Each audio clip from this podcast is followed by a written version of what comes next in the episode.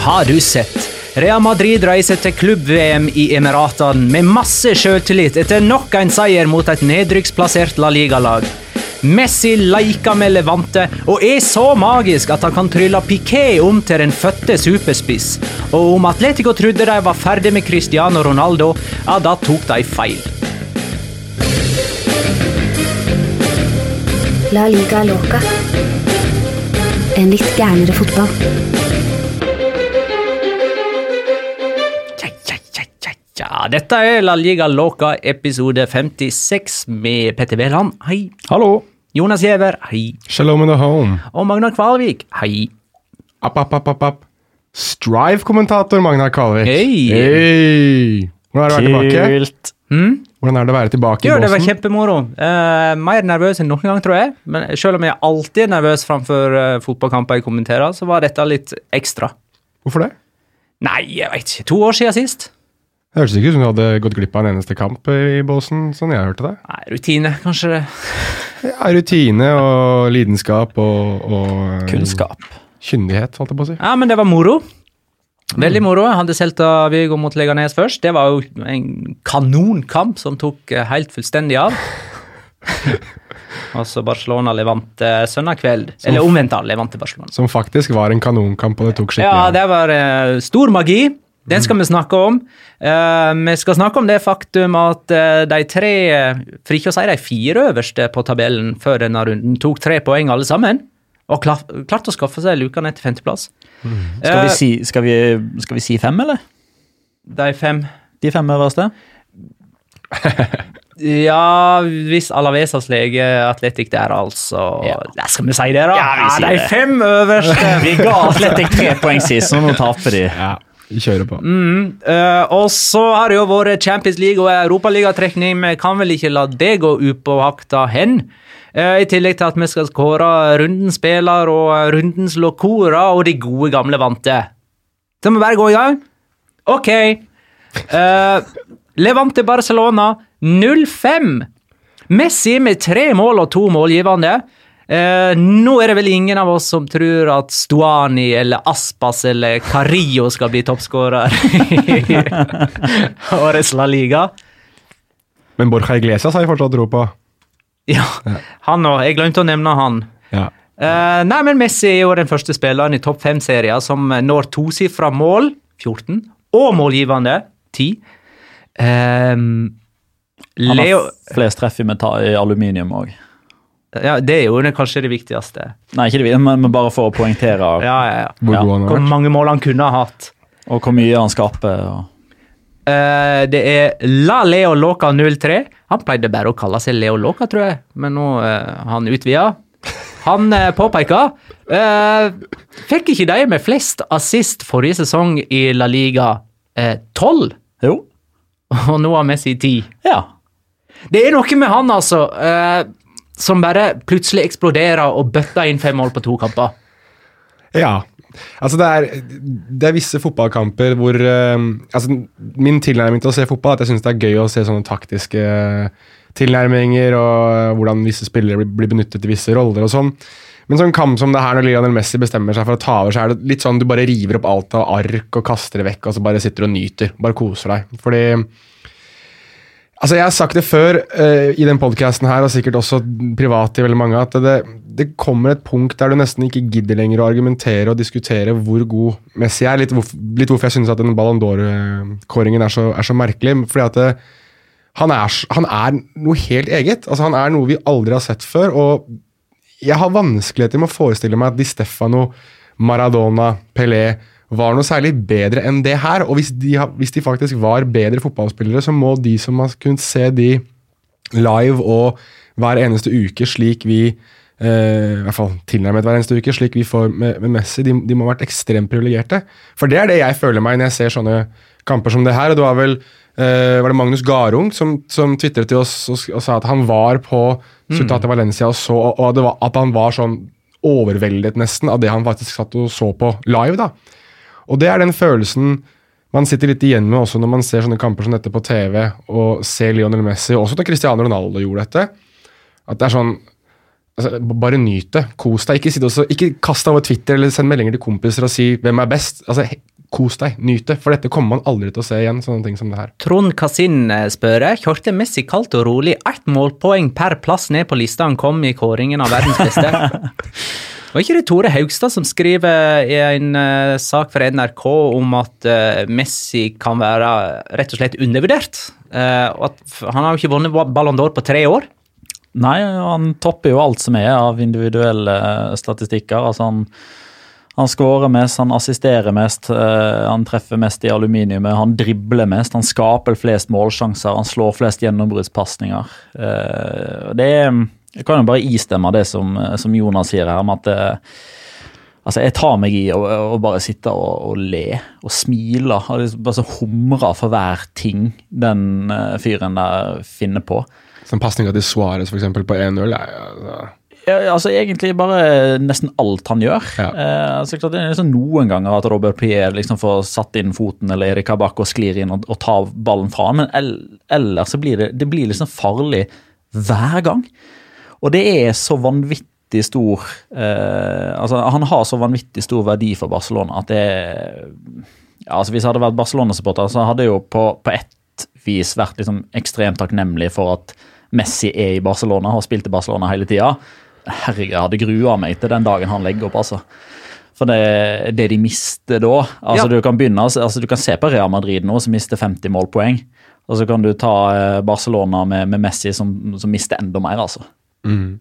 For spillemessig lot ikke jeg meg veldig imponere over Barcelona mot Levantes når de vinner 5-0 borte. Nei, men det er jo nettopp det. Altså, det jeg tror Ja. kanskje, altså, Sammen med eh, den forrige kampen til Levante, faktisk, eh, som heter 4-4 borte mot Eibar, og 5-4-kampen eh, mellom Levante og Barcelona forrige sesong, så tror jeg dette her er det, det er topp tre rareste kamp jeg har sett i La Liga.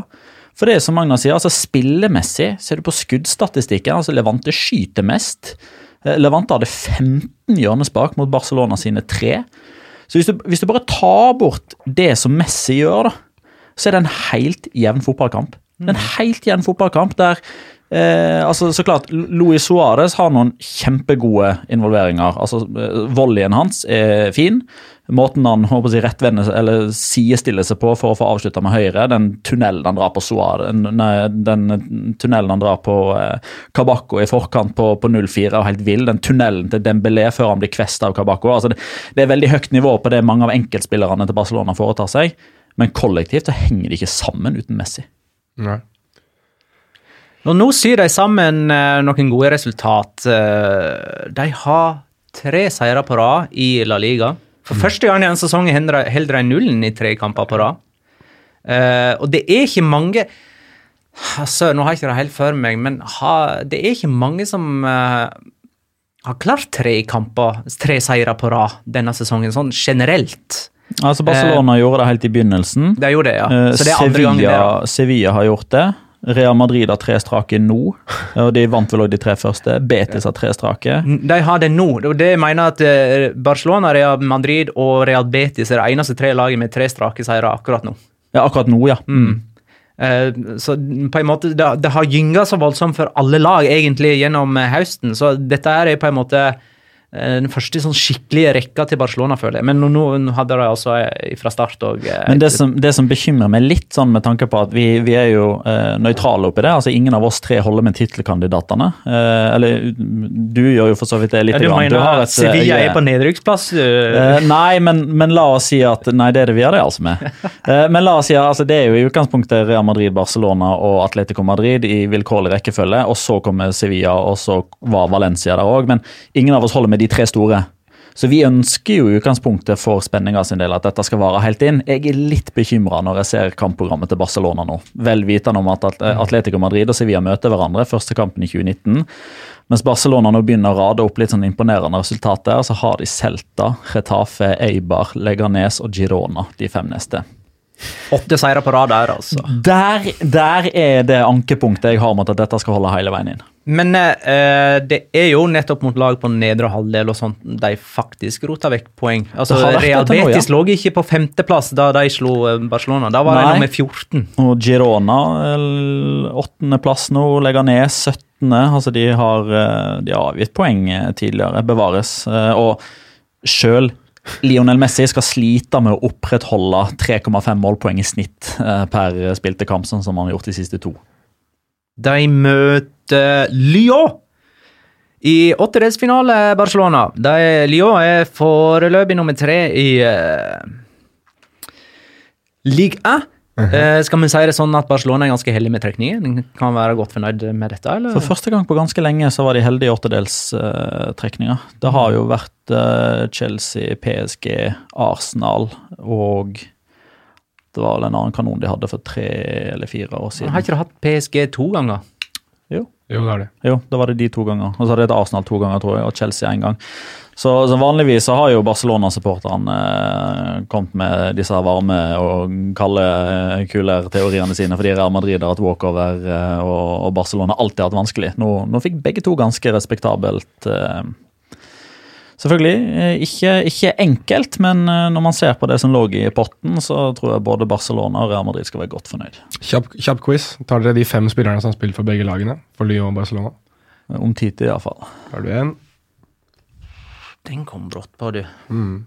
Litt hjernetrim. Gi meg kjappe hint, da. Posisjon, eh, Fem spillere? Fem spillere. Eh, sportsdirektør. Sportsdirektør. I, eh, I Barcelona nå? Ja, Sportsdirektør? ja. Nå? ja ikke det han er? Eh, Abidal? Abidal. Ja. Eh, ja, nei, dette går seint. Dette klarer dere. Omtiti, Abidal. Og så har du en som har vært med å vinne Champions League med Barcelona i 2006. Franskmann. Gilly? Gilly. Ludovic. Og så har du en Han husker jeg bare fra Monaco. Ja, ikke, jeg jeg tenkte bare Monaco på Han han. starta karrieren sin i Lyon. En VM-vinner, forsvarsspiller, spilte trebackslinje for Brasil 2002. Silvinho. Ed Milson.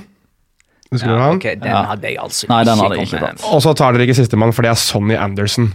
Han spilte Han var jo i Villarreal! Han hadde tatt. Ja. Gi meg Han, han hadde vært en ubåtsoldat. Ja, Ja, greit, greit, greit, greit, greit. Jeg skulle faktisk si til Én av fem. Fermalen ble skada igjen. Yes, Er en det utrolig nesten eh, Altså, er, er det mulig, var det jeg skulle si? Ehm, ut på stoppa jakt, eller? Om, om til ti er fortsatt uh, skada òg. nå eh, var jo Semedo ute mot Levante, Sergi Roberto. De måtte jo spille med trebakslinja pga. mangel på høyrebekker. Mm. Og da brukte de vel alle midtstopperne de hadde tilgjengelig. Rakitic ble jo bytta ned som midtstopper eh, i den treeren. Er i hvert fall på tide å gi Tjomi eksempelvis da, muligheten. Han har vært med i en del kamptropper nå uten å få særlig til spilletid, så Alle Ali Bergens favorittspiller i Barcelona.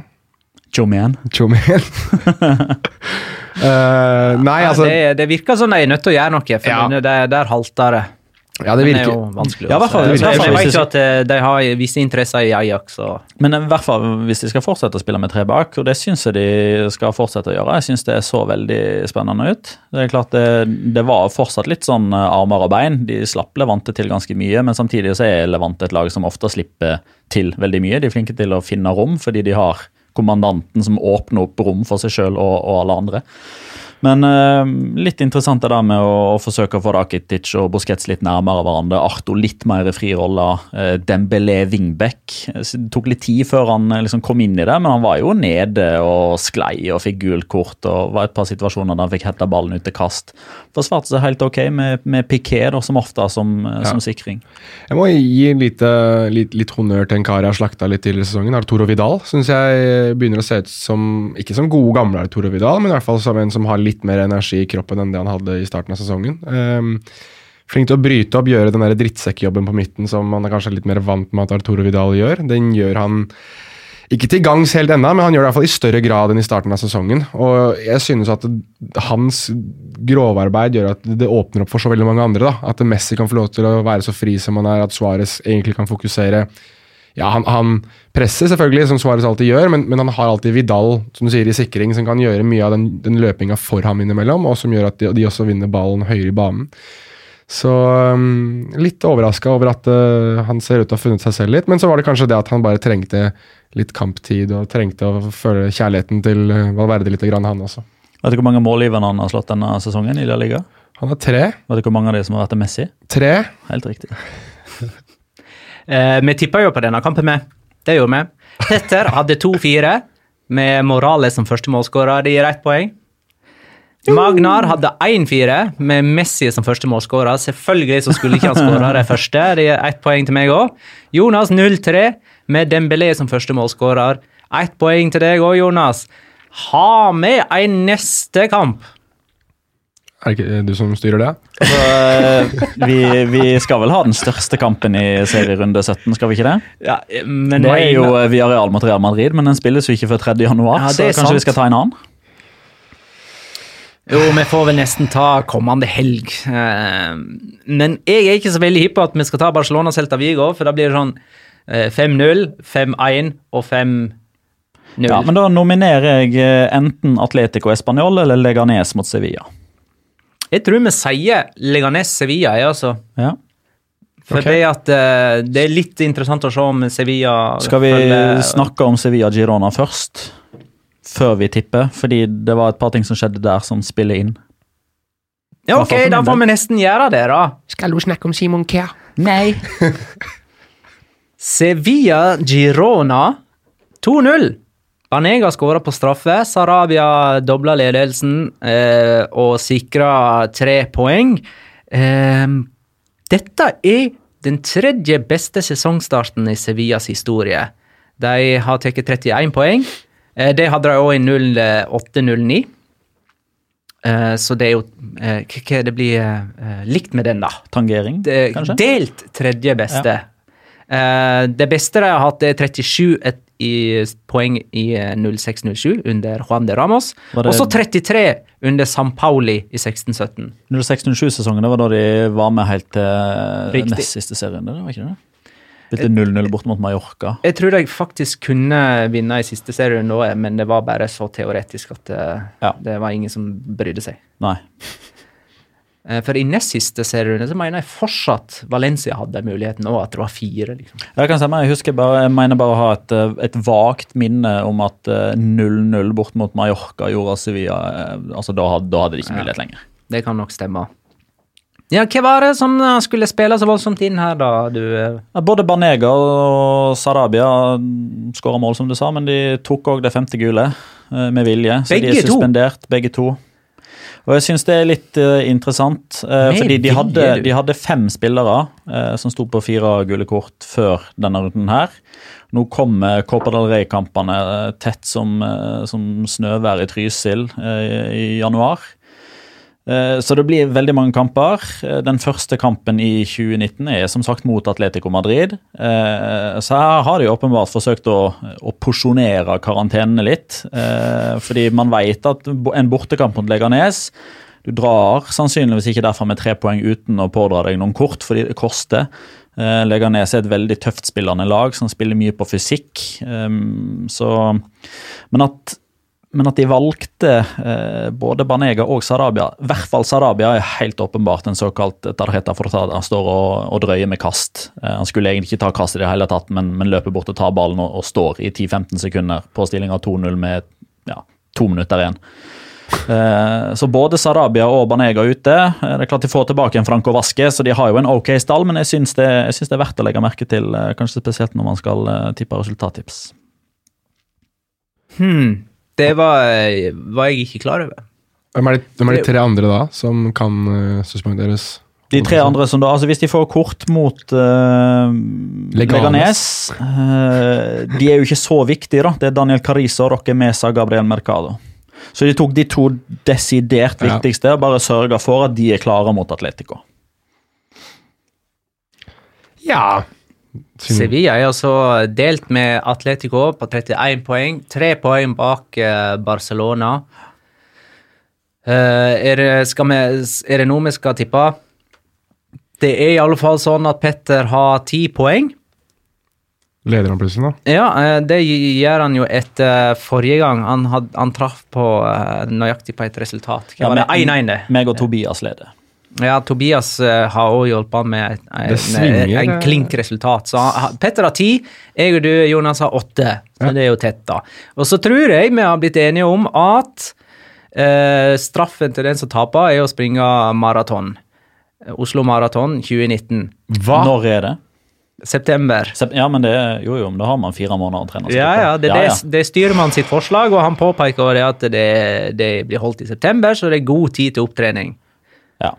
Ja. Maraton eller halvmaraton? Halv, halvmaraton. Halvmaraton. Eh, skal vi se hva han skriver. Ikke et helmaraton, det Styrmann kan gå inn og ja, men, eh, ja, men altså, Han skriver bare Oslo Maraton, men det er jo forskjellige etapper der, ikke det? ja, det er jo noe sånn barnesløyfe på fem Ja, kilometer. Jonas. Der er jeg med, vet du. Så vidt det er. Nei, Men, men, eh, halv, nei, men jeg er enig i halvmaraton Halvmaraton er jeg med på. Det kan Lø løping under Oslo Maraton, det skal vi få til. Ja.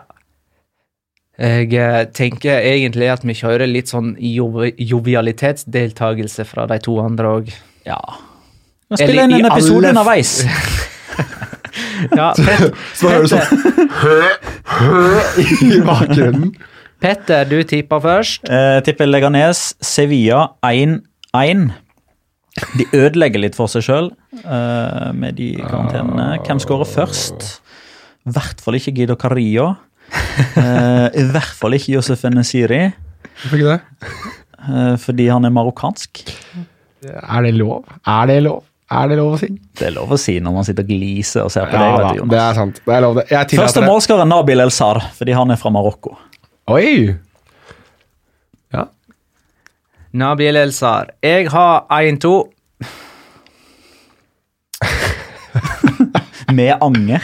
Ja, jeg angrer allerede. Um, um, oh, hvem skåra der, da? Uh, nei, André Silva. Nei, Ben Jedder! På, eh, ben Jedder.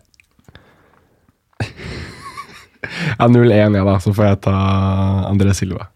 André Silva. Sånn. Den uh, kampen Øy! Vår annonsør Strive viser selvfølgelig den eh, kampen. Eh, det er klokka 16.15 på eh, søndag. Og du får Strive for 79 kroner i måneden. 499 i året. La Liga og Serie A, nå med norske kommentatorer. På tross av at han ene er fra Indre Sogn og kanskje burde bare blitt kasta ut med en gang. Det synes jeg da ikke. Jo, jo, jo, det synes jeg. Har du ikke hørt nok av Magna Kvalik i denne episoden av La Liga Loca, så hører du han på Strive til helgen. Hva skal du kommentere, Magnar? Til helge? Ja? Har du fått Jeg har? Real Sociedad Deportivo Alaves. Som for så vidt òg hadde vært en fin kamp å tippe på. Men uh, nå veit vi ikke hvordan det har gått med Alaves i, i oppgjøret mot Atletic. Mm. De har jo to Basker derby på rad. Ja. Da må alle glede seg til å se eller, Den er fredag kveld, sa jeg det? Nei, du gjorde ikke det, men eh, da vet vi det. Så da Mm. gleder vi oss til å høre deg kommentere den.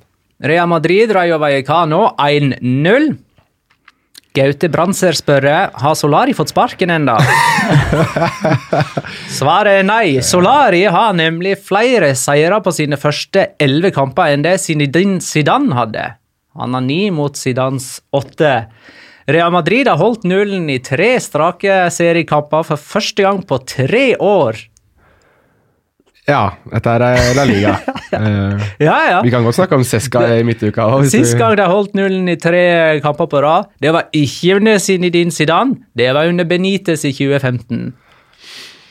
Og alle vet hvordan det gikk. Han fikk sparken på tross av det, han. Ja, man, man, på tross av en del andre ting også, man- tror jeg, men- Ja, ja, men man kjenner jo Real Madrid som et lag som setter pris på smultring. Eh, Det er vel i andre enden man helst bør imponere. Ja, jeg tok den positive statistikken. Eh, De fleste fokuserer nok mer på at eh, Real Madrid ser ganske shabby ut for tiden. Nok en gang så vinner de 1-0 med en brukbar dose flaks i sluttminuttene mot et nyopprykka lag på nedrykksplass. Eh, Som i andre kamper eh, lekker som ei sil. Nemlig. Eh, Det er et par ting vi må snakke om. eh, Altså 0-3 for CSKA Moskva. Marka kaller det uverdig av en mester. Ja, det er riktig, det. Tidenes største tap på heimebane i en europacupkamp. Også mot CSKA Moskva. Ja, Ja. blå og rødt. Ja, Ja, ja, var, vi diskuterte det. Lagrana igjen. Men jeg synes jo altså, La oss nå være litt, uh, litt uh, fulle av realitet her. At jeg syns mm, 1-0 til Real Madrid synes jeg er litt uheldig, egentlig, for Real Madrids del. Jeg synes de var gode i første omgang, faktisk. Altså, Tony Cross banker jo en i stolpen der, blant annet. Og uh, Asensio er alene med keeper og burde egentlig sette inn eh, 2-0 også. Jeg synes Altså, Jeg friskmelder det ikke, men, men fra en som har sittet og slengt mye dritt om Madrid og sagt at dette er det dårligste Madrid-laget jeg har sett på på ti år, så hadde de i hvert fall 45 veldig veldig gode minutter og burde egentlig ha punktert den kampen til pause der.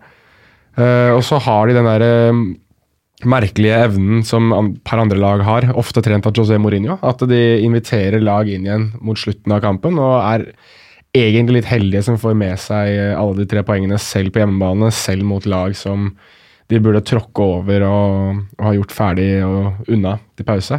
Så, men jeg synes, jeg synes det interessante uh, her er jo, er jo Marco Ascencio. Fordi uh, hvis du ser han og Lucas Vasques og sammenligner litt, grann, det er litt som Du begynner å se verdien av de to nå, og den, den forskjellige verdien de egentlig har. For jeg synes Lucas Vasques er, er en spiller som aldri spiller Hvis du, rangerer fra 1 til 10 Han ligger aldri noe spesielt lavere enn en femmer, og aldri noe spesielt høyere enn en sju, kanskje åtte.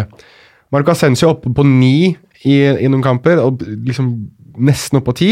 Og så, ellers er det toere, toere, toere hele veien. Det er aldri noe sånn mellomgulv for Marco Ascencio. Og Han er jo veldig ung fortsatt, åpenbart, har, men dette er første gangen jeg tror han, han virkelig har en formknekk. Ikke bare en dupp, men en knekk. Altså han, Det er ingenting som stemmer for han. Og sånn har det pågått nesten Eller det har vel pågått hele sesongen for hans del. Så nå blir det veldig spennende å se om han kan prøve å slå litt tilbake og kanskje, kanskje finne litt inspirasjon da, i Lucas Vasques, som har funnet den, den der mirakelkuren på i hvert fall aldri spille lavere enn midt på børsen. Eh, for hvis ikke Marco Ascencio snart begynner å finne seg selv litt og, og finne et uh, høyere båndnivå, så vet vi det at eh, Madrid-publikummet er veldig eh, De er ikke nådige, og, og jeg tror fort det kan smitte over på han som sitter helt øverst også. Og det er veldig trist, fordi at eh, Spania har ingen spiller som har et større råpotensial og som kan bli en like stor stjerne som det Marco Ascenso kan bli. Men spørsmålet er nå om han klarer å, å snu dette litt til sin egen, til sin egen vinning. Både han og Isco egentlig òg. Men la oss være litt brutalt ærlige òg. vi snakker om Real Madrid, eh, og vi snakker mot Rayo Vallecano. Eh, og i forlengelsen av den OSK-kampen, altså det er lag nummer 19 og 20, som Ja hadde 30 og 31 baklengs før eh, de to kampene her. Forrige serierunde så skjøt Real Madrid færre enn alle andre lag Ja mot tabelljumben. Til nå denne serierunden så er det kun tre lag som har skutt færre ganger enn Real Madrid mot Rayo Vallecano, som er altså det mest porøse du kan finne. Eh, altså det, det er Stratosen i La Liga. Altså Det er så, så porøst at der skal Real Madrid bare dure på. Men er du ikke enig i at de, de burde ha leda 2-3-0 til pause Jo da, på de sjansene de men, hadde? jo, men det gjør de jo ikke. og Det er jo et gjennomgående problem at én ikke skårer på sjansene sine, og to ikke skaper nok sjanser kampen gjennom til at de til syvende og fis- sist får 2-0. For både mot Uesca Madrid, nei, både mot Uesca og, og Rayo Vallecano, så tok de ledelsen, dabba av og holdt på å ryke. Ja. Courtois redda de begge gangene. Ja, ja, helt enig. Tredje gangen så klarer ikke han å gjøre det. Og Da er det et nytt poengtap, mens Barcelona vinner, og så er La Liga-ferden ute. Isco eh, er ikke i humør om dagen. da. Han ble jo kalla feit, eller i alle fall overvektig. Etter, var ikke det Hvem var det som CSKA-kampen? kalte han for det? Nei, ja, men, altså, det var reaksjoner på Var, var ikke det i CSKA-kampen han skulle inn? Og så hadde han tatt av seg på overkroppen sånn at uh, han hadde en sånn tights bare. Og så Nei, han spilte jo mot, eh, fra start mot CSK. Han skulle før, jo egentlig overta kapteinspinnet, men takka høflig nei, og så gir det til Carvahall i stedet. Han var nå i alle fall ute på Instagram og viste overkroppen sin for å vise at han ikke var overvektig. Ja. You're fight! Eh, for han ble sett, jeg, han ble jeg ser gjerne ut som Isko. ja, jeg også gjør gjerne det. Samme her. Eh, og og det, der, det, der, det var sånn, hva de kaller det i England, sånn love handles. Man kunne på en måte, på grunn av at shortsen stramma rundt Ja, midja, ikke sant, så, så det, det, er sånn som det er på alle, på tynne mennesker, Ja, ja. så er, stikker det litt grann ut over linningen Ja, når det blir litt press under. Ja, ja.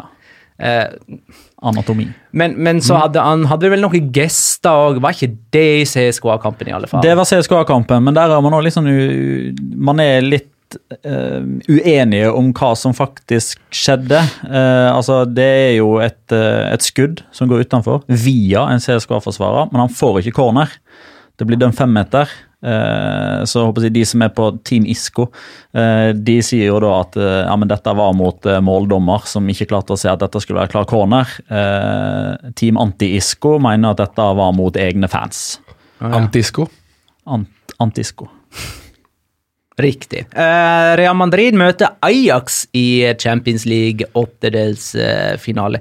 Uh, litt den er litt vrien, uh, for- og her kommer det der tomånedersperspektivet pluss overgangsvinduet inn. At øh, Ajax, som egentlig ser veldig lovende ut for tiden, eh, de kan fort miste profiler i januar. Mens Real Madrid, som har sett shabby ut for tiden, de kan fort forsterke sånn grundig, liksom.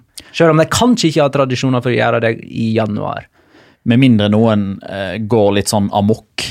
Sånn som Barcelona gjorde da de henta eh, Coutinho, eksempelvis. Så tror jeg både Frenke de Jong og Mathias de Ligt blir.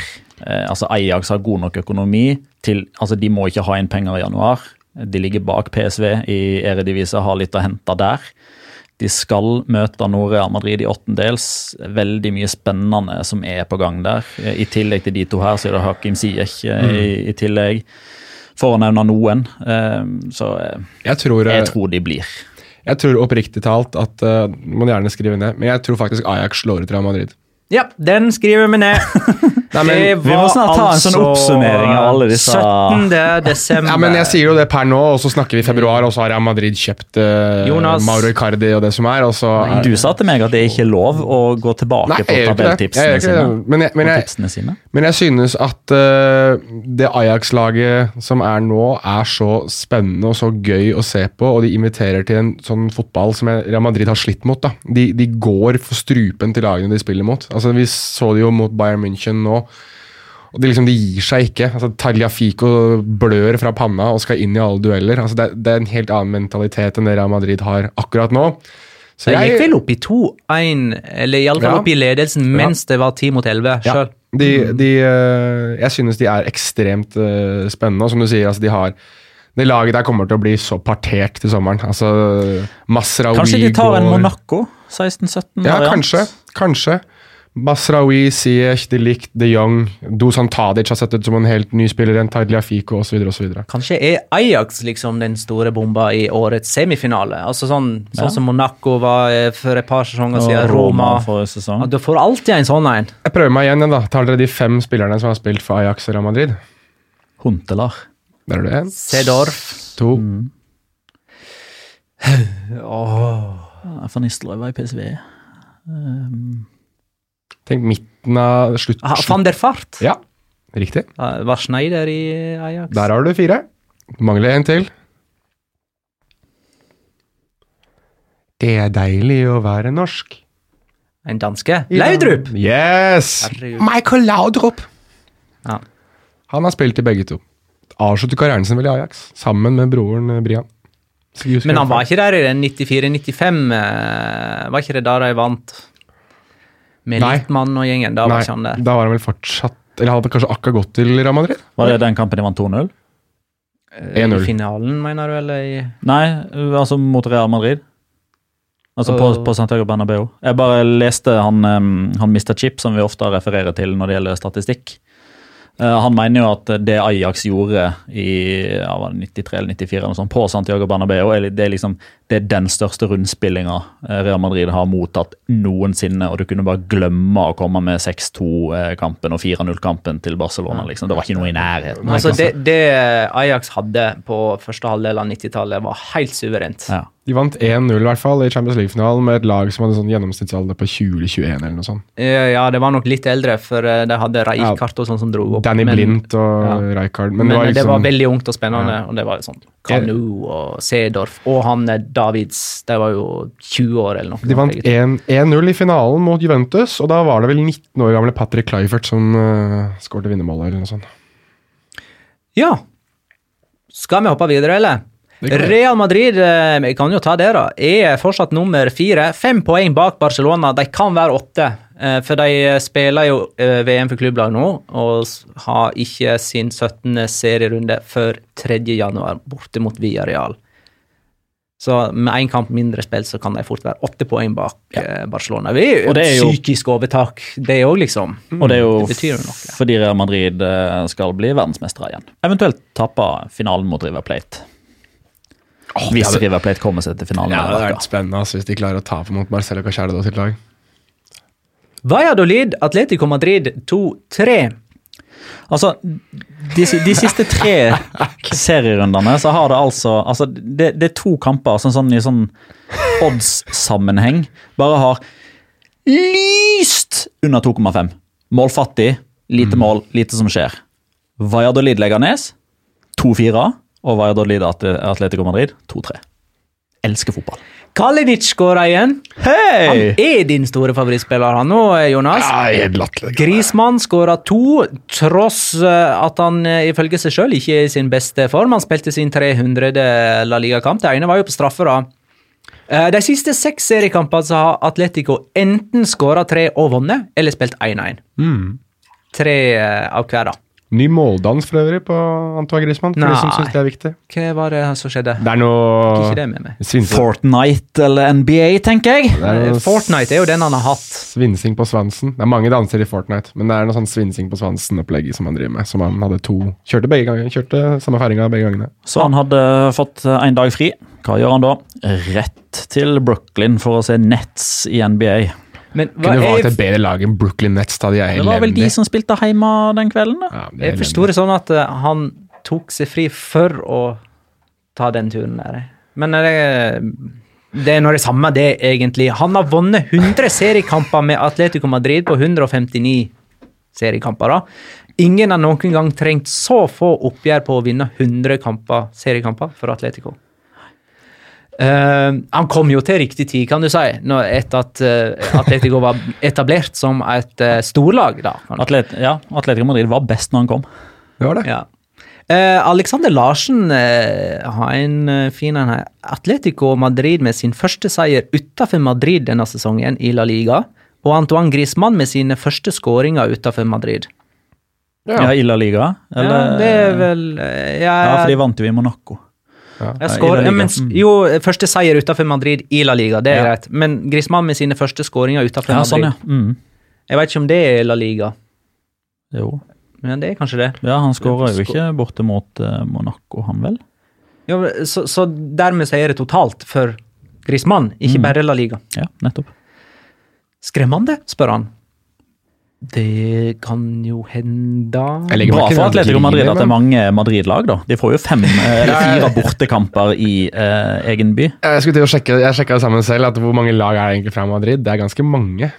Jeg tror han eh, er ja, fem, ja. jeg, jeg tror Alexander Larsen holder telling på skader òg, og har kommet opp i 27. Eh, og nå eh, måtte vel Filipe Louise ut. Ja. Um, og det er egentlig helt eh, Det må være jeg, Altså, jeg, jeg begynte å lure på om det var et eller annet i drikkevannet i Madrid. Fordi både Atletico Madrid og Real Madrid har jo slitt voldsomt med skader denne For sesongen. så vidt Barcelona òg. Vi var jo litt inne på det i stad, med Forsvaret spesielt. da. ja, men i, altså totalt sett eh, altså Hvis du tar eh, altså antall spillere som har stått over eh, de 16 forskjellige seriekampene, så er Atletico Madrid og Real Madrid et godt stykke foran.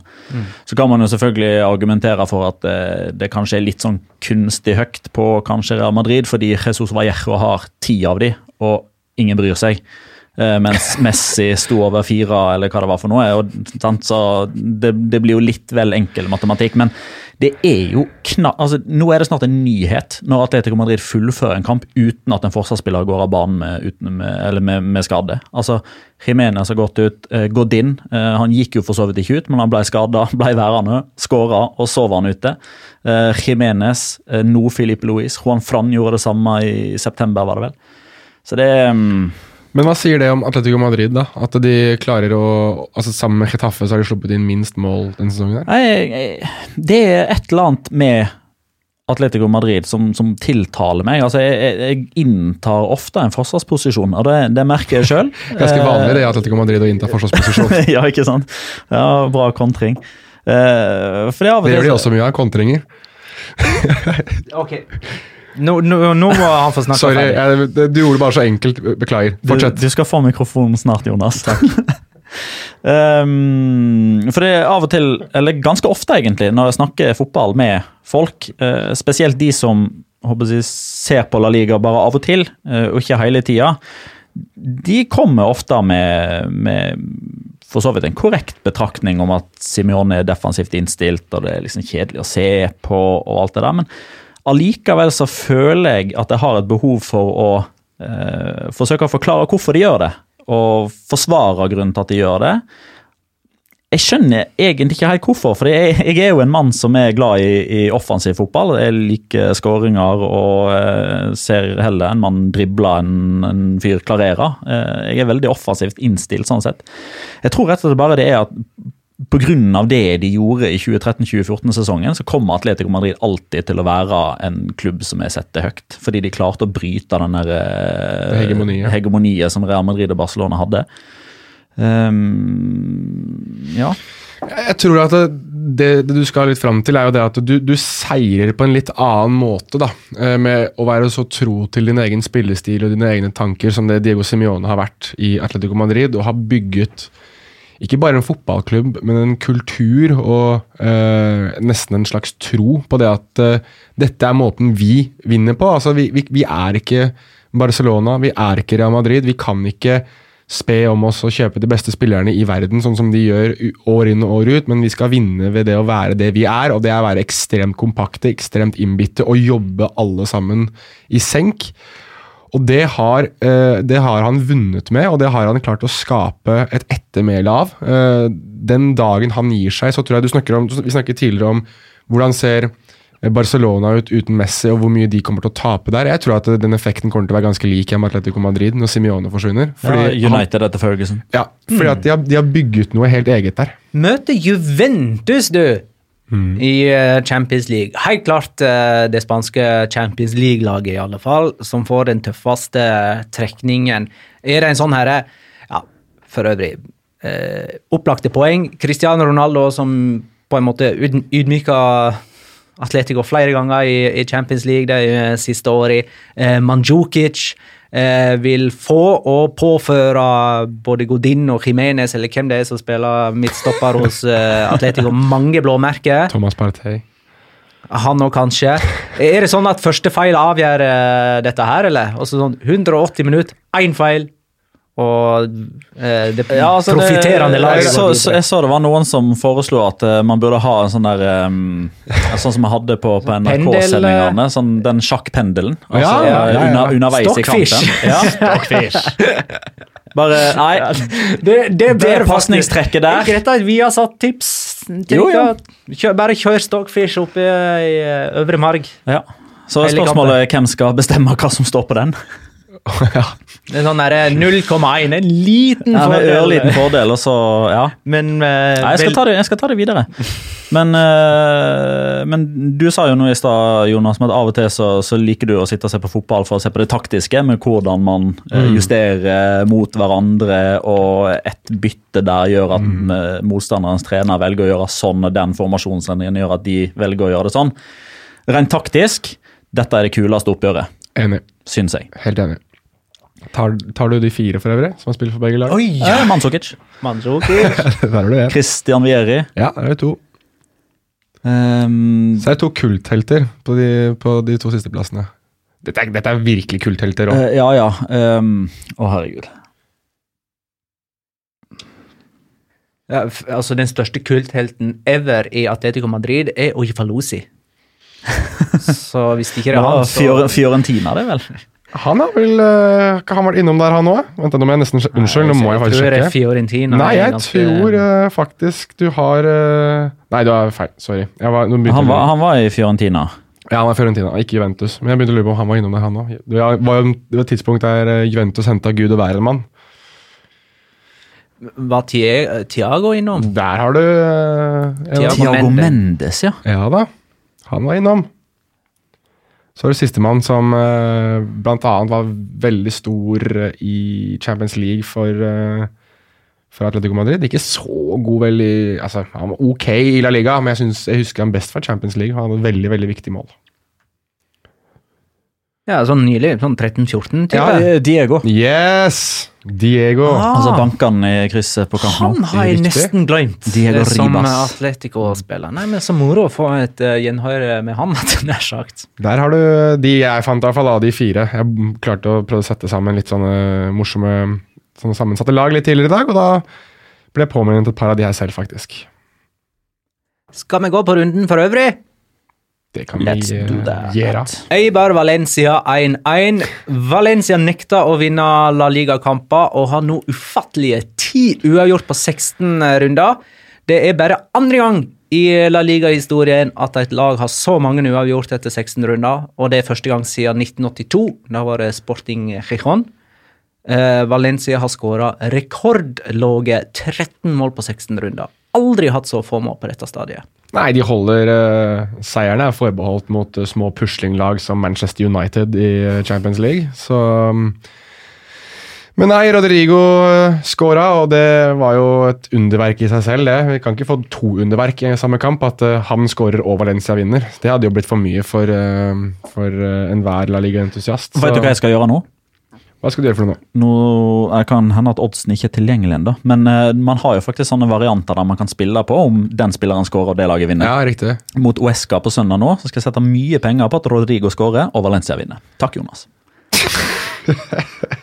For å sjekke gradestokken i helvete. Han da. var sint etter kampen. Han var så sint, han. Rodrigo Moreno. Ja. Men han var så sint. Yes. Ja, jeg fikk med meg det også. Nei, altså, det, det, jo, det, det går jo idrett, stor idrett i, i Spania, og, og etterspørre Ja. hva kriteriene til VAR er. Fordi man ikke har fått den avgjørelsen med seg, eller fordi man fikk den mot seg, så inntar man en sånn offerrolle og sier sånn Ja, men ingen forstår hva dette her er for noe, og når man spiller fotball, så er det helt umulig å vite når VAR blir brukt, og protokoll og kriterier og bla, bla, bla. Spill fotball du, Rodrigo, så gjør dommerne det de skal. Fikk du med deg Mendeliba etter kampen? Ja, Mendeliba hater jo VAR. Ja, men og det er det jo greit nok, Han er jo helt åpenbar på det. For han Ja. synes det amerika amerikaniserer idretten når det blir stopp i spillet og Ja, snart reklamepauser og alt sammen. men Det er ikke det, det, var ikke det jeg skulle fram til. Det var litt det at han var sånn Ja, nå klager dere på VAR, ja! Ja. Du skulle hørt på han far da han klaget på dette før sesongen! Så Mindelibar er eh, sitter og Det er eh, den derre Kermit the Frog som sitter og drikker te ja, og og så, og så syns jeg det er så gøy at når VAR ble innført, før La Liga starta, hvem var ute og sa 'jeg hater VAR' José Luis Mendelibar? Hva for et lag har vært involvert i, involvert i flest VAR-situasjoner til nå i La Liga 2018-2019? Eibar. Det er så nydelig, det. Med positivt eller ut, Uh, Nei, sånn negativt, tot totalt. Det har vært ni VAR-situasjoner i kampene til uh, Eibar. Men- Fire har gått uh, for, tre imot, og så var det en sånn var, dobbel VAR-situasjon som gikk å si, begge veier. Eh, det, var et, det ble blåst straffe, og så ble det omgjort til frispark og utvisning. Så det gikk opp i opp. All right. Celta Vigo Leganes 0-0. Ei, statistisk fun fact. Eh, Nei, det lå koraen min! I, eh, nei, jeg tror ikke du har denne. Nei vel? Ifølge Oppda er det bare Manchester United som har parkert en større buss enn det Leganes gjorde i denne runden i de fem største europeiske seriene. Syns du ikke det var litt morsomt? Det er, ikke en, det er ikke en statistisk fact. Det var bare noe jeg fant på. Seks seriekamper på rad. Fake news! Fake news! Men altså, de, de forsvarte seg i 4-5-1. Nei, 5-4-1, faktisk. Seks seriekamper på rad eh, uten tap for første gang i historien, La Liga-historien før Leganes da. Ja. ga det 0-0-resultatet. Nå er de faktisk over via Real på tabellen. Burde ikke Bofall hatt straffe? Er det noen som har sett den? Ja, jeg Ja, sett den. jeg, jeg så den. Altså, det, det, Ja. det eneste jeg tenker, da eh, Jeg prøver som oftest å innta en posisjon der jeg forsøker å forklare hva dommerne har eh, Konkludert med, ja. konkludert med. Jeg, ikke nødvendigvis sagt at jeg er enig, for det er jeg ikke. Jeg mener dette skulle være straffe. Men det jeg tror eh, foregår i, eh, på Las Rothas, der de sitter, disse videodommerne, det er at de ser eh, at Bofall sparker ballen til side, tar et bitte lite mellomsteg med venstrefoten, og så blir tatt på høyrefoten, sånn som jeg husker situasjonen, og så går han ned. Eh, hvis dommer hadde valgt å blåse, så hadde den aldri i verden blitt Omgjort. Nei. omgjort. Da hadde det blitt straffe. Men da regner jeg med at pga. at det ikke blir blåst, så mener da videodommer at det er ikke en grov feil. Eh, antageligvis da, fordi da, da Og det er jo òg litt kommunikasjon her. Eh, det kan aldri være sånn at dommer spør videodommer eh, var det straffe, skal jeg se den om igjen, eller noe sånt. Det kan aldri være noen sånn form for kommunikasjon, men videodommerne hører det som blir sagt på høyttalerne, eller dette mikrofonen, eller det de har da, som, som assistentdommerne, fjerdedommer og hoveddommer kommuniserer med. Hvis videodommer da hører eh, hoveddommer si sånn klart, klart og tydelig 'Jeg ser kontakten, men han oppsøker den, det er ikke straffe'. Hvis, hvis, hvis det er det som har blitt gjort, og det, og det tror jeg kanskje, da kan jeg forstå at videodommer ikke da går inn og sier sånn Jo, men jeg vurderer situasjonen annerledes eh, enn hva du gjør live der og da. Jeg er uenig i det, for jeg syns det er en straffbar hending. Og jeg, og jeg er ikke blant de som mener at eh, man ikke skal få straffe bare fordi touch er for langt. Eh, det er ikke et argument som, som holder for min del. Men det er litt det samme som med, med en annen situasjon i La Liga denne runden, men den tror jeg vi skal snakke om litt etterpå. Ok. Eh, jeg vet det foregår en eh, diskusjon, en slags, i Italia eh, for det, om den opplagt, dette opplagt feil-premisset som de ikke praktiserte der forrige Ja. sesong. Nemlig at hvis, hvis videodommer ser en situasjon og syns, sånn som f.eks. i dette tilfellet, at det, det er straffe, så ble det dømt straffe i Italia forrige sesong. Mens nå er premisset det må være en opplagt feil, eh, det dommer har dømt i utgangspunktet. Det vil si at eh, videodommer kan se situasjonen og mene sånn 80% at dette er straffe, men det er ikke nok. Ja, men, jo, men da er spørsmålet hvor mange prosent må det være for at den er klar? Nei, ja, det må være 100% feil. Han kan mene det er 80% feil av dommer ikke å dømme straffe her. Og det er ikke nok. Det må være, han må Mens... være 100% sikker på at dette er feil. Ja, men sånn er det jo ikke nå. Det, er jo, det er jo det som ligger i premisset. Premiss, ja. Mm. Ikke 100 Altså, at det skal Nå, være opplagt clear error, er ikke det ganske 100% Det er opptil 100 Det kan være 90 men, ja, men ok, igjen, så her, her, her er det jo der, Så hvis det er på 80, jo, men så igjen, da, det, er jo det, som er, 90, det er jo det som er liksom den vanskelige øvelsen her. Altså, hva er, altså Hvor går grensa for clear? Obvious Ja, ja. error? Det er det, Det- som er vanskelig. Det er vanskelig. For det er subjektivt, ja. Ja. Retafe, Real Sociedad 1-0. Eh, mens vi har sett og lurt på om Real Sociedad er et eh, bra eller dårlig lag, så er Getafe det. Uh, de har ett tap på sine siste ti offisielle kamper og sniker seg stille og rolig oppover i, på tabellen og er med i Europacup-diskusjonen, selv om vi aldri har diskutert det. Jorge Molina, altså. De har òg tatt seg videre i Copa del Rey. 36 år gammel. Tolv baklengs! Færrest av alle sammen med Atletico. Mm. Jeg tror eh, Jorge Molina har ei sånn uh, voodoo-dokke med Real Sociedad-drakt som han sitter og kaster dartpiller på når han uh, er på vei til treningsfeltet, eller før han skal sette seg i bilen. Og vi kan gjøre det mens han er i bilen der. ti mål på elleve kamper mot Real Sociedad. Han skåra ti mål mot Real Sociedad. Nestemann på lista er seks, uh, og det er et sånn Segunda B-lag som han skåra fire mot i en kamp når han spilte for Benny Dorm. ja. ja. Espanol Real Betis 1-3. Betis videre i Europaligaen, og altså ett av tre lag i La Liga med tre seire på rad. Endelig positiv målforskjell. Ja, det òg. Det er, de er La Ligas sterkeste klatrer for tiden. Ikke så rart det er når vi vinner tre seriekamper på rad og lå i utgangspunktet på 14.-plass. Skal vi snakke litt om uh, Sergio Canalas, eller? Styrmann skriver Kanales, kjør kjærlighetsbrev'. Det blir ikke noe kjærlighetsbrev, men uh, altså det, det løpet han gjør uh, på på 1-1, det er uh, Det var stort. Jeg tror ikke han har løpt så fort noen gang i hele sitt liv. Jeg tror ikke han noen gang visste at han kunne løpe så fort. Spesielt ikke når han faktisk vel nesten ikke spiller med knær i det hele tatt. Han har vel tatt begge knærne sine. Men han er jo så god nå som det vi håpte og trodde han skulle være da han var 18 år og herja for Racing Santander. Før han gikk til Real Madrid. Husker Ja. du hvem han skåra de to målene mot? Sevilla. Han skåra ett mot Sevilla, vel. Skåret ah, ja, de, skåret- ja, men de to der han chipper, mot Español. Det var mot Español, ja. Jeg synes at de eh, altså Sergio Canales og Gio Lo Celso synes jeg er eh, Altså Giovanni Lo Celso, altså det er, det er diamant, altså. Det er et smykke.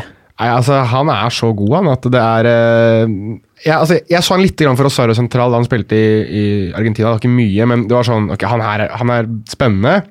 Og så tenkte jeg at det var for tidlig å gå til PSG, og det var det jo. Og så spilte han dypt i banen i PSG og dypt i banen for Argentina, og så var det liksom litt sånn Enten så Jeg er husker En av de første liksom, ilddåpene hans var jo på Santiago Bernabeu. Han ble jo overløpt. Ja, Han så inn i granskauen. Riktig. Og, men det er jo åpenbart at eh, han er jo en som bare skal få lov til å eh, være kreativ og florere fremover i banen og ha det gøy. Fordi når han har det gøy, så har jo resten av laget det gøy òg. Altså, og så må jeg egentlig må jeg berømme han litt. Altså, når, du, når du skyter en sånn piss dårlig straffe som det han gjorde altså, altså, Det er helt bånn i bøtta. Og så reiser du deg på den måten der med, med scoring og Selvfølgelig, den var jo greit nok at den var ferdig skåret, man skal fortsatt stå der og sette den i mål. Og så kan vi jo Jeg vet ikke om Petter eh, setter det på målstatistikken for målgivende. At uh, han slår innlegget som settes i eget mål av uh... Akkurat denne målgivende, fordi det er forsøk på pasning til lagkamerat Ja. som blir brutt i mål. Så ja, det er en målgivende pasning i min bok. mål og målgivende. Så da er det jo helt utslagsgivende for at kampen snus, da. Og da mm, Nei, jeg eh, lar meg imponere av Gio Lo Celso. Vi skal vel sikkert litt i en, en, episode som eh, kommer senere, så skal vi sette opp et uh, årets lag, tipper jeg. Eller i hvert fall høstens lag, og da er han brennhet hos meg. Joaquin, 500 kamper i La Liga. Ja, det er han òg. Til tross for tre sesonger i Serie A Olja! i tillegg. Og en luke. bytta ut da, naturligvis. Han er den spilleren i La Liga-historien som, som har blitt bytta ut flest ganger. Deilig luke, da, som han kjørte. Det er alltid noe gøy med Julia. ga Villarreal 2-2. Viktig for Villarreal å hindre bunnlaget i å ta innpå dem. Tre straffespark i denne kampen. Ja. Mm, Stor underholdning. Bakka skåra og er tidenes mestskårende colombianer i La Liga med 53 mål. Slo Falcao, da, eller? Passerte Falcao. Hvem andre er det som har skåra mye i colombianere? Er det James. Har han mange mål for Real Madrid i La Liga? Nok til at han nok er inne på en topp fem. Ja, ja. Ehm, han godeste John Cordoba er colombiansk, ikke han er? Han skårer vel nå for Spanjol. Pereira skåra ikke han. Cucho Hernandez skårer jo nå, han er oppe på to. Ja, ja. Oppå topp fem, han altså. Alaves Atletic har ikke vi sett. Basker Derby. Eh, det er for øvrig niende gang på 16 runder at Atletic spiller på en ukedag. Jeg får jo aldri spille helgekamper, de. Får aldri snakket om dem egentlig heller. Sånn særlig, i hvert fall. Uh, men de skifta jo trener da etter 13 strake seriekamper uten seier, og vann uh, i debuten til Gaisca Garitano. De påførte Girona sitt første bortetap. De var kjempegode i den kampen. Uh, Atletic? Ja. Ja, det, men de trengte nå likevel en straffe på slutten. Jo, ja, men det- altså- Aritz Adoris mot eh, Gorka i Reisås. Vet du hva? Det, det var synd at den kampen ikke var på søndag. For da, eh, altså jeg merket altså, Med en gang den kampen var ferdig, jeg hadde så mye på hjertet. Fordi det var så mye riktig som skjedde akkurat der og da. Altså, atle, jo, men altså, Nå skal jeg prøve å huske tilbake igjen. Altså, Atletic vant i første serierunde. Ja. Monjain skåra mål på overtid. Ja. Etter det så har de da gått 14 seriekamper på rad uten å vinne. Det er ny klubbrekord. Aldri tidligere vært så dårlig. Uh, Atletic-president Orotia han går av om ei uke. Han så seg nødt til å sparke Berizzo. Det ville han absolutt ikke gjøre. Inn med Garitano. Første kampen, hva skjer? Han setter Monjain på benken. Inigo Martinez er ute med karantene. Juri Bercic er ute med karantene. Pedro Nolascoin ute med karantene. De forsvarer seg utrolig bra. De holder Stuani unna, som er toppskårer i La Liga. De har 30 avslutninger. Gorka Iraisos, eh, som ikke fikk forlenga kontrakten og gikk til Girona, er andrekeeper der. Han står fordi, eh, fordi Magna har jinxa Jasin Bono, som er ute med skade. Han har aldri stått en bedre kamp noen gang. Elleve redninger. Fire av fem av de er helt fantastiske. Ja. Og så kommer Iker Munjain inn og får et straffespark som er av det veldig billige slaget. Som jeg tror de er veldig nærme å be dommer gå bort og se på monitor. Det var en eh, 50% straffe, maks. Og så er det gamlefar, Adit Sadoris, som har tatt kanskje 1000 straffer på Gorka Iraisås på treningsfeltet. Og hver eneste gang så har han satt den enten til høyre eller til venstre. Nå satt han den midt i mål. Og han blir matchvinner. Skårer i 15 del av ligasesongen på rad. Atletic vinner for første gang på 15 kamper. Girona taper borte for første gang den sesongen. I trenerdebuten til Garitano etter at Monjain kom inn. Altså, og de scenene som var på San Mames da med sånne gamle baskere på 60 år. som Vanligvis så har de ikke så store ansikter, og med sånne eh, baskerluer med 70 pins på. Det eneste du så nå, var pins fordi de satt med hodet ned sånn og gråt. Nei, fy faen, det var fint, altså. Og pust. Men vi har jo allerede gitt Alaves eh, seieren her. De er oppe da på femteplass. på, Etter alt dette her så skal vi gi seier til Alaves. Ja, men alle vet. Jo, men eh, Bakka 53, Falcao 52, James Rodriguez 28, Ja. Dorlan Pabon oh! i Betis med 11, John Cordoba og Luis Moriel med 8. Dorlan Pabon spilte jo i eh, Moriel er på topp fem med åtte mål. Luis Moriel er på delt femteplass sammen med John Cordoba. Ikke John, men John. Det er greit. Jeg eh, tror vi setter over til mannen som har runden spiller. Ja, det er vel meg, det. Og øhm, før jeg uh, starter, så vil jeg jo si det at uh, i et vanlig scenario så hadde vi jo gitt det til Lionel Messi, men dette har vi forklart før, at det gjør vi ikke, fordi Lionel Messi er ikke en spiller som man egentlig har noe særlig mer å si enn at han er helt guddommelig. Så da har jeg uh, gått litt øh, en litt annen vei og tatt en spiller som jeg synes fortjener en liten øh, litt honnør. Man nevner han ikke så mye. Så dette har jeg da formulert om denne personen. Forfatteren John Le Carré sa i sin tid at hjem er stedet du går når du ikke har andre steder å gå, og for denne herremannen er dette mer sant enn for andre. For denne mannen er kanskje noe mer kompleks enn de fleste. For eh, hvem kan egentlig forklare å kjøre over sin egen ankel mens du fyller bensin fordi du glemte å sette på håndbrekket? Hvem kan forklare at du som profesjonell fotballspiller velger å onanere foran et webkamera? Og kan noen forklare logikken bak å få en lagkamerat til å kjøre deg til Valencias treningsbane for å be om en bøtte vann fordi din egen Ferrari står og brenner et par kilometer unna? Det er ikke mye med Ever Banega man kan forstå. Man kan f.eks. For ikke forstå hvordan en spiller i sin tid utspilte både Xavi og Iniesta på Camp Nou, for selv aldri å forstå eh, hvilken superstjerne han selv kunne blitt. Verken i Valencia eller Atletico Madrid gikk ting hans vei. Men i Andalusia har han blitt ønsket velkommen med åpne armer. Enten det har vært under Una Emeris ekstreme detaljer, Jorge Sampaulis vanvittige taktikk eller machin-fotball, så har Ever Banega alltid bestått. Et avbrekk til italiensk fotball som gikk fullstendig på trynet, minnet oss om galskapen, mens hans retur påpeker sårbarheten og genialiteten hans. For slik Le Carré sitat minner oss om, så har en villstyring som Ever Banega endelig funnet sitt hjem. Og trenger vi da egentlig forstå Ever Banega? Vel, som et ungdomsprodukt av Boca Juniors har han tatovert logoen til klubben Newell's Old Boys på leggen sin. Og under tatoveringen står det fire år vi for alltid må ta med oss. Solo Dios mentiende. entiende. Kun Gud forstår meg. Kult. Takk skal du ha, Jonas. Ja, jeg En annen ting som er kult, det ble bekrefta akkurat nå. Er det, er, det, er, det, er, det, er det et øyeblikk? Er det et øyeblikk? Er det, er det Cristiano Ronaldo? Er det vi må ha Nei, det er ikke su... Nei, Nei, Okay. Nei. Spania-Norge 23. mars spilles på Mestalla. Åh! Og det er, vi får av og til spørsmål fra lyttere hva som er vår favorittstadion i, i Spania. Mestalla er definitivt uh, ja, topp top fire, topp fem. Jeg holder det som nummer én. Ja. Ja, har jo ikke vært på overalt. Jeg har ikke vært på Benito Villamarin, f.eks. 100-årsjubileet til Valencia blir markert med Spania-Norge på Mestalla 23. Jeg hører rykter om at det er Når kommer det en ny Mestalla? Eh, 200-årsjubileet. Jeg hører med rykter om at vi, eh, vi skal dit. Det bekreftes. Ja, men eh, det er greit, det. Vi får håpe at Nei, det må jeg si. Tenk så gøy det hadde vært om ikke Inigo Martinez hadde vært der da. Og hadde, hvis han faktisk hadde Da skal veddemålet gjentas.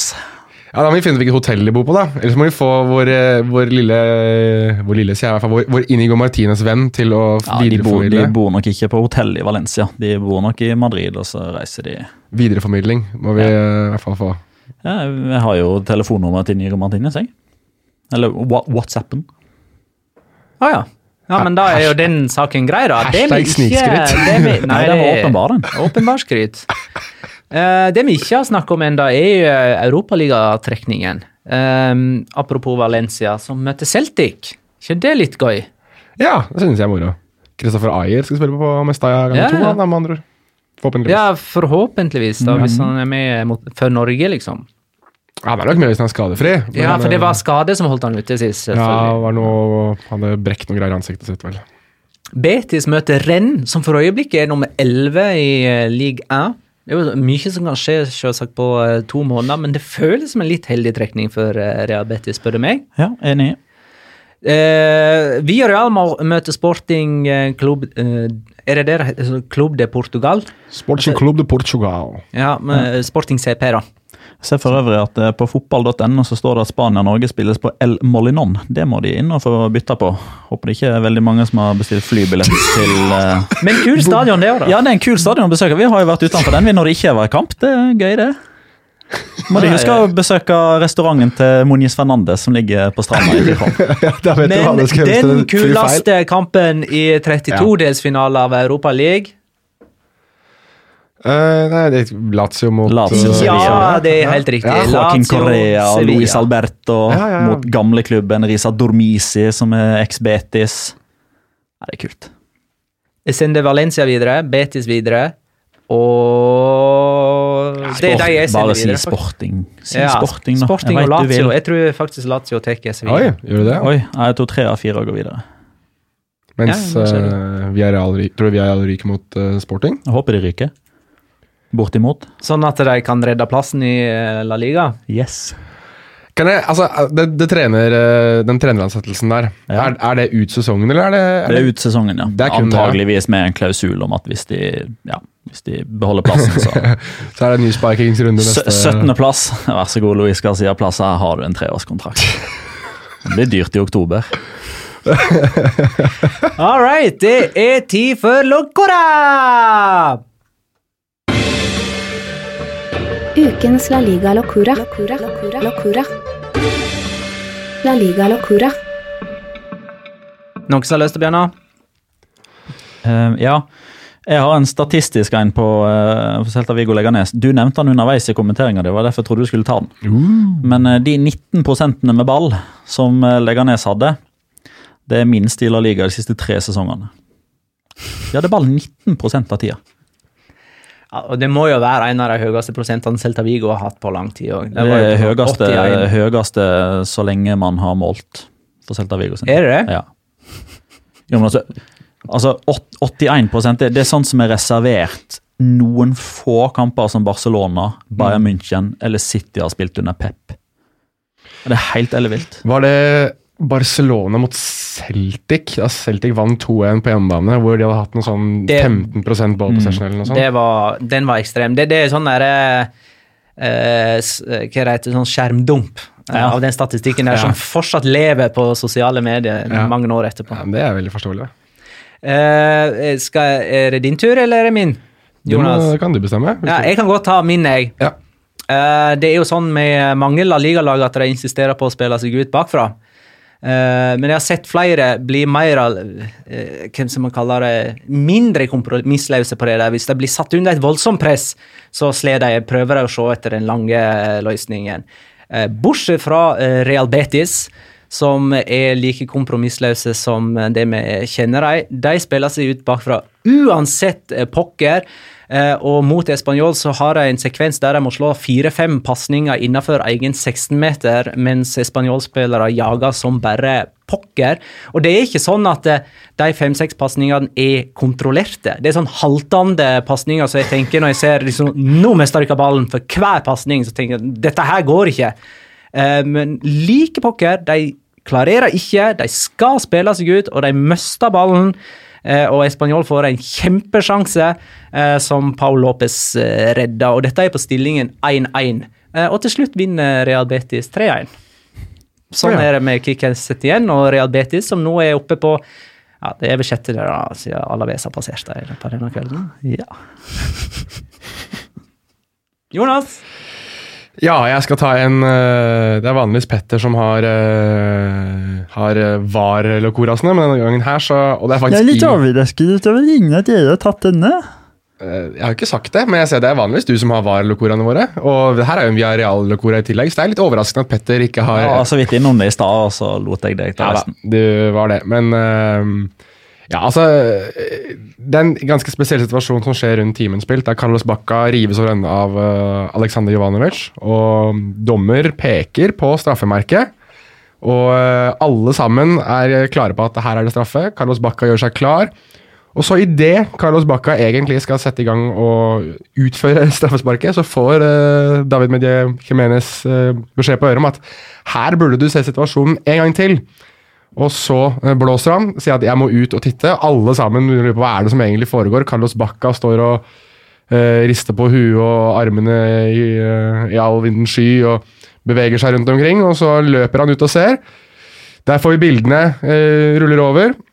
Og så bestemmer han seg for Nei, dette her er straffespark.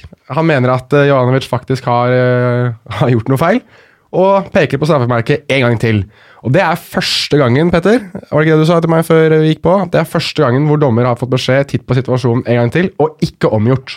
Og det var 23 tilfeller tidligere der dommer har Ja, omgjort. dette var den 23. Ja.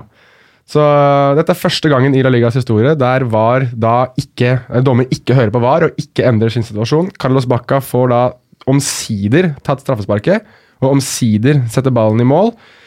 Eh, og det hjalp ikke stort, da. Det ble fortsatt Det var jo 1-1-skåringa, endte 2-2. Men da har man jo igjen en sånn altså Hva er clear obvious error? Uh, altså Hvor mange prosent gir vi denne straffen her når videodommerne mener at dette ikke er straffe? Ja. Altså dette, dette er ikke straffe, du må se på nytt. Altså, ja. Men, er det, men får han beskjed var, om at det, dette dette var mitt motstykke til Bofall, da. Ja, ikke sant. Dette var sånn, Der dømmer dommer straffe i utgangspunktet, og dermed så blir det stående. Og det hadde, det, Sånn hadde det også blitt med Bofall-situasjonen. Men Men der valgte han ikke å blåse i utgangspunktet. Men vet vi nøyaktig, altså La Liga var veldig flinke på dette i starten av sesongen, hvor du fikk, noen ganger så fikk du øh, lydklippene av samtalen mellom VAR, altså VAR-dommeren, og hoveddommer. Har vi noen gang hatt en, hatt en sånn lydklipp hvor det er en situasjon der han faktisk må ut og se? At det sier VAR-dommeren sier han, det her er feil, du må ut og se, det her er feil. Eller sier han at her er vi litt usikre, og vi lurer på om ikke du må ta en titt selv. Nei. Jeg, eh, hvis det har kommet ut, så har det gått meg hus forbi. Ja, for jeg, lurer, da, for jeg lurer på hva eh, beskjeden er. Jeg lurer, jeg lurer nøyaktig på hva den beskjeden er han får. Får, får han beskjed om at du, hei, dette er feil, du, du bestemmer, men nå gjør du feil, så nå må du ut og titte selv? Nei, altså, jeg, jeg tror eh, Altså, de har garantert fått noen retningslinjer på hva slags ord de skal bruke, Ja. hvordan de skal formulere seg, nettopp fordi det kan hende folk etterspør altså dette, altså Nå må det publiseres hva som har blitt sagt, og for Ja. at de ikke skal bli liksom eh, altså, det skal ikke altså Bare et valg av feil ord eh, kan føre til er at det blir ei stor greie. altså Her har de garantert altså, altså Det eneste de gjør, altså, vi anbefaler deg å titte på situasjonen. Ja. Det er altså så nøytralt som det. altså Vi okay. anbefaler deg å, å se på bildene. Ikke Ja. noe sånt 'her tror vi at du tar feil', eller 'legg merke til høyrefoten', eller noe sånt. Det, det, det tror jeg ikke. Det ja. eneste altså, eh, Sånn som den, eh, den ene, eller den eneste var-situasjonen som vi har fått eh, innsyn i eh, i La Liga, det er jo den når eh, Luis Suárez får straffe i El Clásico Ja. eh, når Rafael Varan. Eh, da husker jeg at eh, han som var videodommer, da sa eh, han sparka han i foten. Se på bildene. Eh, det er nesten full rulle i La Liga den siste helga før jul. To kamper på fredag. Den eneste kampen som ikke blir spilt, er altså Villarreal Real Madrid. Eh, kan jo nevne at Barcelona spiller mot Celta Vigo lørdag klokka 18.30. Eh, kampen vi tipper på, er på vestlig julaften. Leganes eh, Sevilla 16.15. Før det Valencia Uesca klokka 12. Her, Fin vestlig julaften, det. Eh, alle kampene ser du selvfølgelig på Strive, og er det en Liga Loca-episode ute på julaften? Siden det er en mandag og greie? Det er vel Svaret er ja! Herregud, følg nå mer av Ja, vi må Vi kommer folk ut vi må- De må vente litt på det. Vi kommer ut med en oppsummeringsepisode som en hard pakke under juletreet. Legg merke til dedikasjonen, folkens. Vi går i studio på jul... Nei da, vi gjør ikke det. Vi spiller den inn nå veldig snart. det blir, det blir eh, eh, oppsummering av høsten og en slags eh, årskavalkade i en eller annen form. Nei, Jeg vet hvilken form det blir i. Det blir eh, rett og slett en eh, 2018-quiz som dere skal konkurrere dere imellom i. er det da? Er det løs form? Abstrakt form, eller? Vet du, Det er sirkulær. Kan jeg spørre deg et spørsmål òg, da? Stille meg et stille et spørsmål. spørsmål. Beklager. Uff, det var dårlig. Veldig, veldig dårlig. Nå Vet må du- vi runde av. så Ja, jeg skal stille et Ja, spørsmål. Vet, vet du hvilken fotballspiller som er den mest julete spilleren i hele La Liga? Eh, det må være Isco. Andro Julsager. Ja, Det var for, for øvrig bra, men jeg skulle si det er Guillermo Julemaripan. Eh, nå er det mars. Som i marsipan. eh. Skal vi virkelig gi oss med den? Der, eh, dessverre, må vi gi oss på bunnen. Eh, tusen så takk for alle innspill og spørsmål, kjære lytter. Takk for at du lytta, kjære God lytter. jul, kjære lytter! Eh, vi kan ønske god jul på julaften, Jonas. Vi gjør det Eh, nå òg! Ha det, da.